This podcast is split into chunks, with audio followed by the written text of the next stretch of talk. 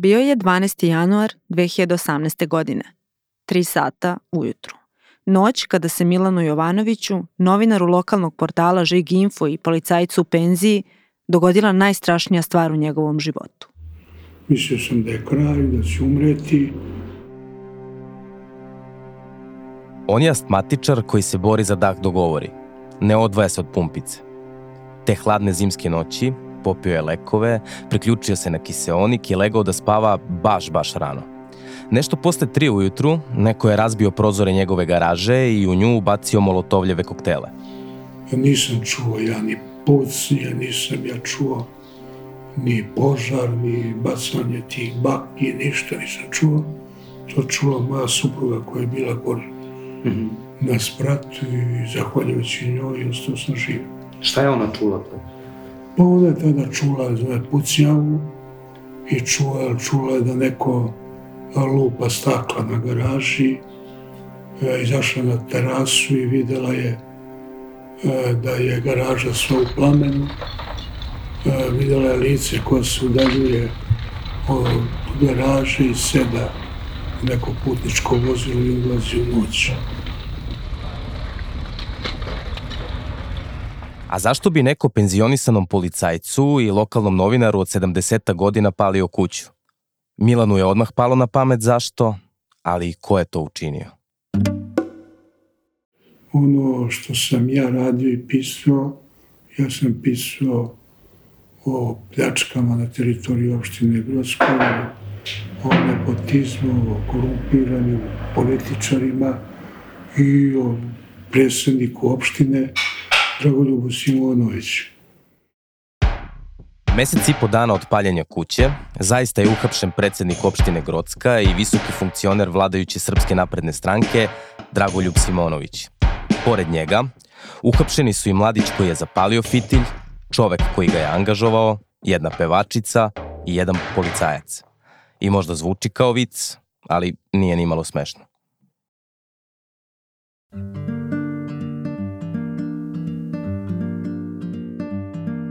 Ti slušaš Cinsov podcast Glasna žica. Ja sam Jovana Tomić. A ja, Stefan Marković. U ovoj epizodi govorit ćemo o tome kako je jedan novinar umalo platio glavom pisanje o zloupotrebama u opštini Grocka, filmsku priču jednog tužioca koji je netipično za naše prilike odlučio da istera istinu do kraja, ali i to kako su osumnjičeni padali jedan za drugim poput domina.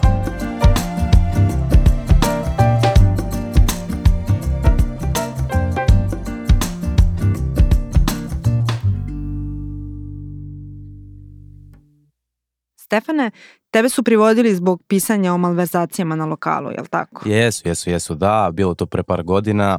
O, ovaj, hteli su da otkriju kom je izvor. Mislim, bilo je tu i praćenja i pretnji, ali ništa od toga ne može ni da se poredi uopšte sa onim što se desilo Milanu Jovanoviću. I to sve zbog toga što je pisao o tome kako i na šta se troši naš novac. Bilo je iz prvih informacija koje smo dobili jasno da je neko podmetno u požar i bilo je jasno da su Milan i njegova supruga jedva izvukli žive glave. Ovo je Perica Gunjić, inače urednik portala Cenzolovka koji prati dešavanje u medijima. Njihov izdavač je fondacija koja nosi naziv po Slavku Ćuruviji, novinaru koji je 99. godine ubijen ispred ulaza u zgradu zbog onoga o čemu je pisao. Taj slučaj do danas nije rešen. Cenzolovka je ujutru objavila tekst o ovom napadu i Pera se odmah uputio ka Milanovoj kući ili bar onome što je ostalo od nje.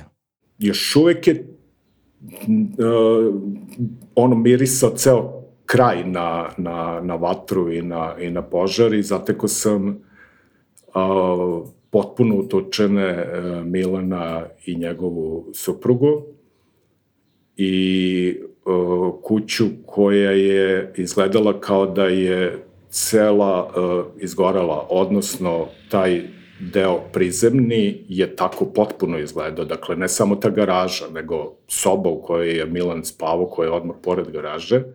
A šta se dešavalo nakon toga? Javnost se uzbunila. Vrlo brzo je uhapšen Aleksandar Marinković. Sumnjalo se da je upravo on bacio molotovljeve koktele u Milanovu garažu. Međutim, kako je uhapšen, tako je i pušten iz pritvora. Protiv njega nije bilo dokaza.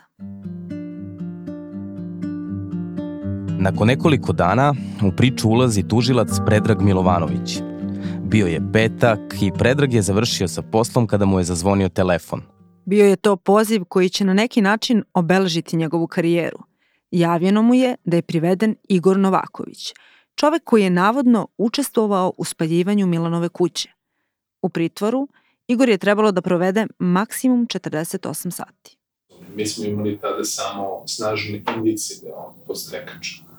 Tako da... Je se stvara tad kod vas pritisak u tim situacijama, jer vi sad imate praktično sat od kucava, je li tako? Kako imate da ne, 40 pa nema šta, pa, pa svako zadržavanje je jedna klepsidra, Mm -hmm.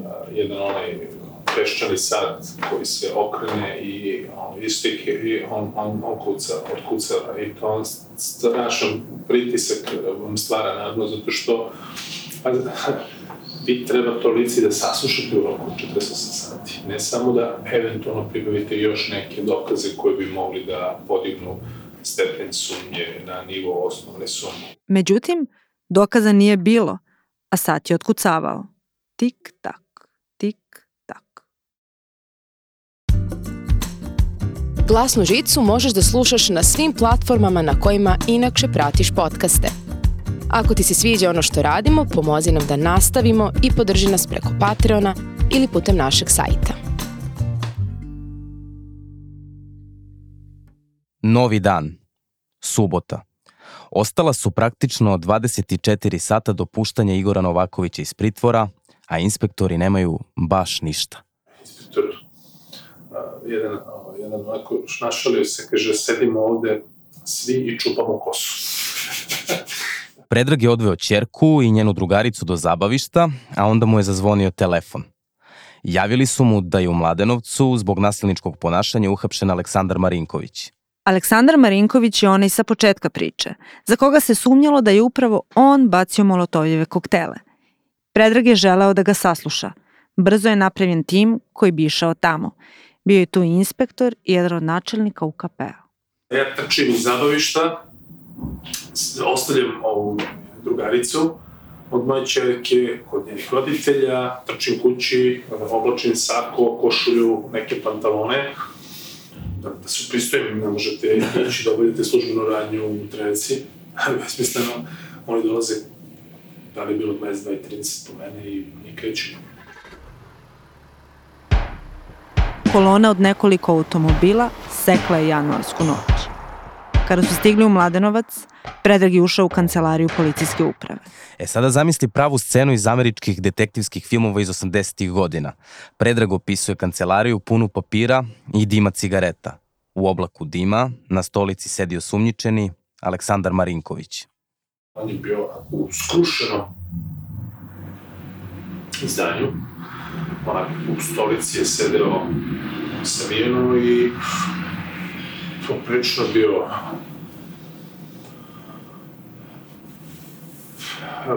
kao da je, kao da mu je pala tavanica eh, na glavu. Takav mi je, ili bio onako u tom jednom fetu stanju i ja sam rekao, jel pušiš? Da, ovaj, onda sam je uzao cigaretu i dao sam da zapali i piješ nešto, može nešto, i onda bila nekako Coca-Cola tu mislim. A šta mu je rekao Aleksandar posle cigarete i pića? Da ga je kontaktirao Novaković, da je on njemu dugovao neki novac, Milinkoviću dugovao novac Novakoviću, um, ovaj, mu je rekao da bi mogu da, da mi uradiš nešto, mu šta, pa kao da, da zapališ na automobil koji je parkiran u garaži, uh, koji je spojena sa kućom, uh, Govorili su o automobilu novinara Milana Jovanovića. A onda se stvari komplikuju, jer u priču ulazi lokalna pevačica Bojana Šijački-Cvetković. Pošto Aleksandar nije imao kola, pozvao je poznanicu Bojanu da ga odveze do kuće novinara Milana. E, ja bi mogu da ga odvezeš nešto završim. Malo važi, važi i valjda moji su se dok su se vozili u kolima Sad ona njega pitala šta ješ da radiš. Mislim, on joj je rekao, ma ništa, kao, nešto treba da odnesem, pa ste, to je sad sve njihova priča, šta odneseš mm -hmm. pri četiri ujutru. Bojana je priznala krivicu i brzo je osuđena na šest meseci kućnog zatvora. Prve dve domine su pale. Ali šta je sa Igorom Novakovićem kojem je vreme u pritvoru isticalo? E pa, došlo je vreme da ga Predrag konačno sasluša. Novaković je bio suočen sa optužbama, ali ništa nije priznao. Određen mu je pritvor do 60 dana. Međutim, u pritvoru je promenio ploču. Znači, od negiranja mi smo dobili kazivanje i dobili smo... Šta je rekao? Pa da mu je žao, prosto i da, i da jeste učestvovao u događaju i da je njega našao ovaj policijski službenik tada Mihajlović, Vladimir, i da oni se znaju od ranije, imaju neke komšijske odnose i pitao ga da li ima nekog koga bi našao da zapali automobil koji se nalazi parkiran u garažu. Vladimir Mihajlović, policajac interventne jedinice i novo ime u ovom slučaju. Sumnjalo se da je trebalo da za spaljivanje automobila Igoru da novac. Policajac Vladimir je bio priveden i Predrag je otišao da ga sasluša. Nije želeo da se smiri dok ne dođe do samog nalogodavca. I na kraju on jeste opisao šta se dogodilo, jeste kontaktirao sa Novakovićem, a da je prethodno kontaktirao sa njim Simonović, da je Simonović njemu objasnio da ima taj problem i višegodišnji sukob sa ovim Jovanovićem, da je potrebno da ovaj nađe nekoga kako bi se zapalio taj automobil koji se nalazi parkiran u garaži. I tako su došli do Simonovića. Da, Dragoljuba Simonovića, predsednika opštine Grocka, koja je bila i jedna od glavnih tema Milanovih novinarskih tekstova. Stvarali su se tekstovi, uh, između ostalog je bila sporna ksena gasifikacija, onda vodovodna mreža, onda neko nenamensko trošenje budžetskih sredstava u opštini Grocka. Oni su postali neka vrsta trna u oku. A šta na sve to kaže Simonović? E pa, njegovu stranu priče sam pokušao da čujem i zato sam seo u kola i krenuo opet u Vrčin. I to, pazi sad, u ulicu braći Simonovića, koja se zove upravo po Simonovićevoj porodici. Simonović mi je rekao da pre kuće Milana Jovanovića ima neko skretanje desno koje vodi do pruge i da ću tamo da skrenem desno treba da idem levo valjda ću da ga nađem. Ali nije bilo lako naći Simonovićevu kuću u ovom brdovitom beogradskom predgrađu. U suštini, malo sam zalutao. E sad bi ovde trebalo da idemo desno. Ali gde? Ne, što desno. Nije tu desno, će to desno da bude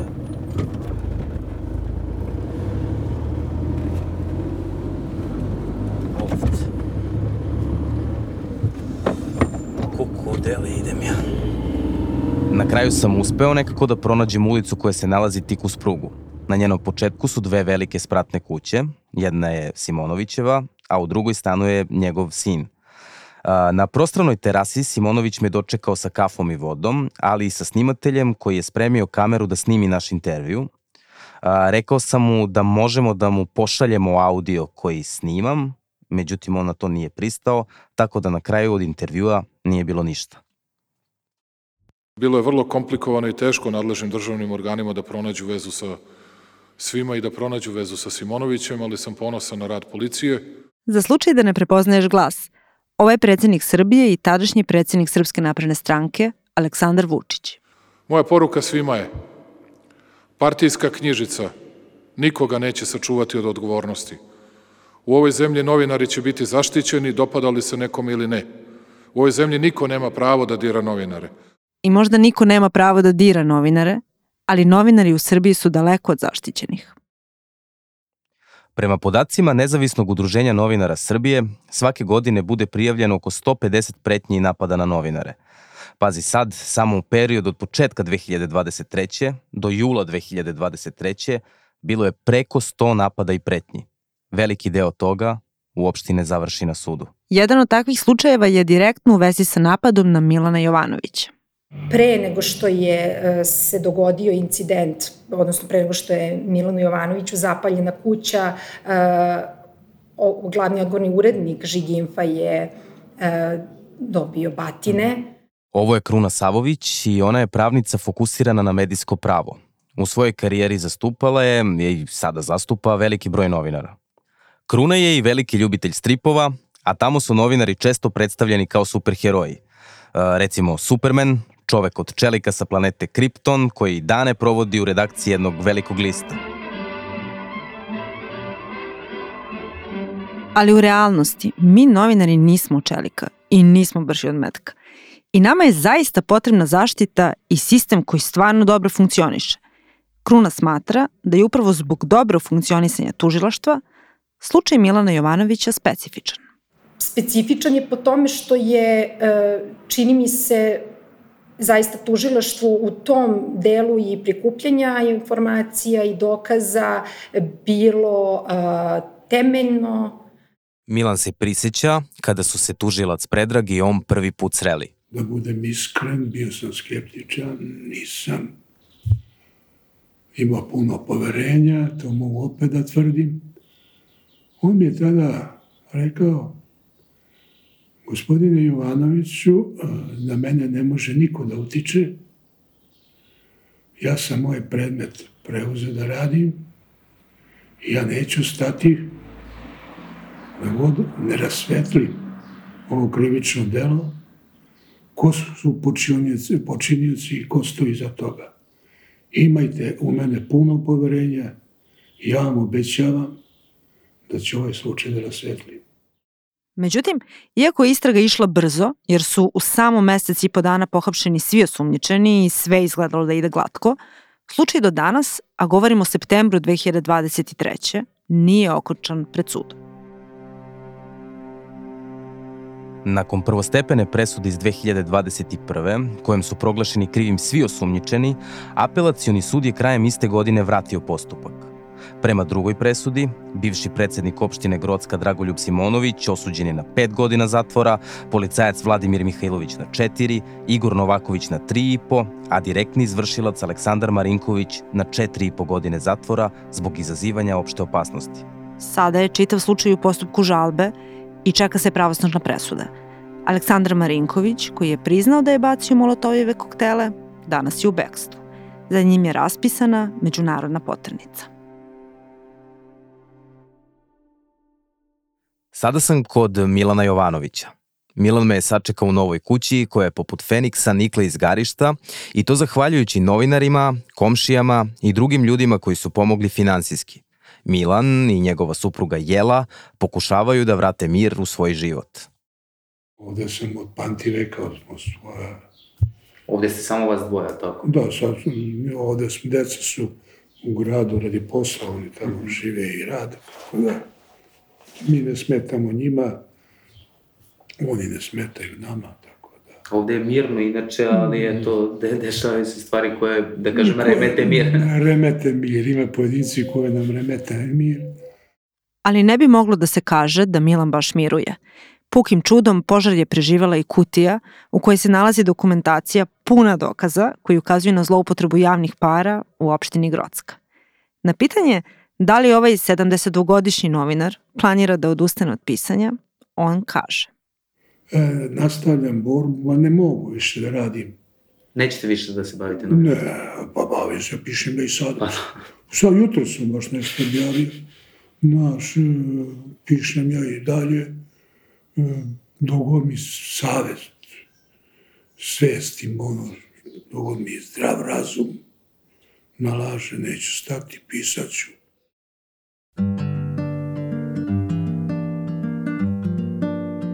Ovo je bila glasna žica.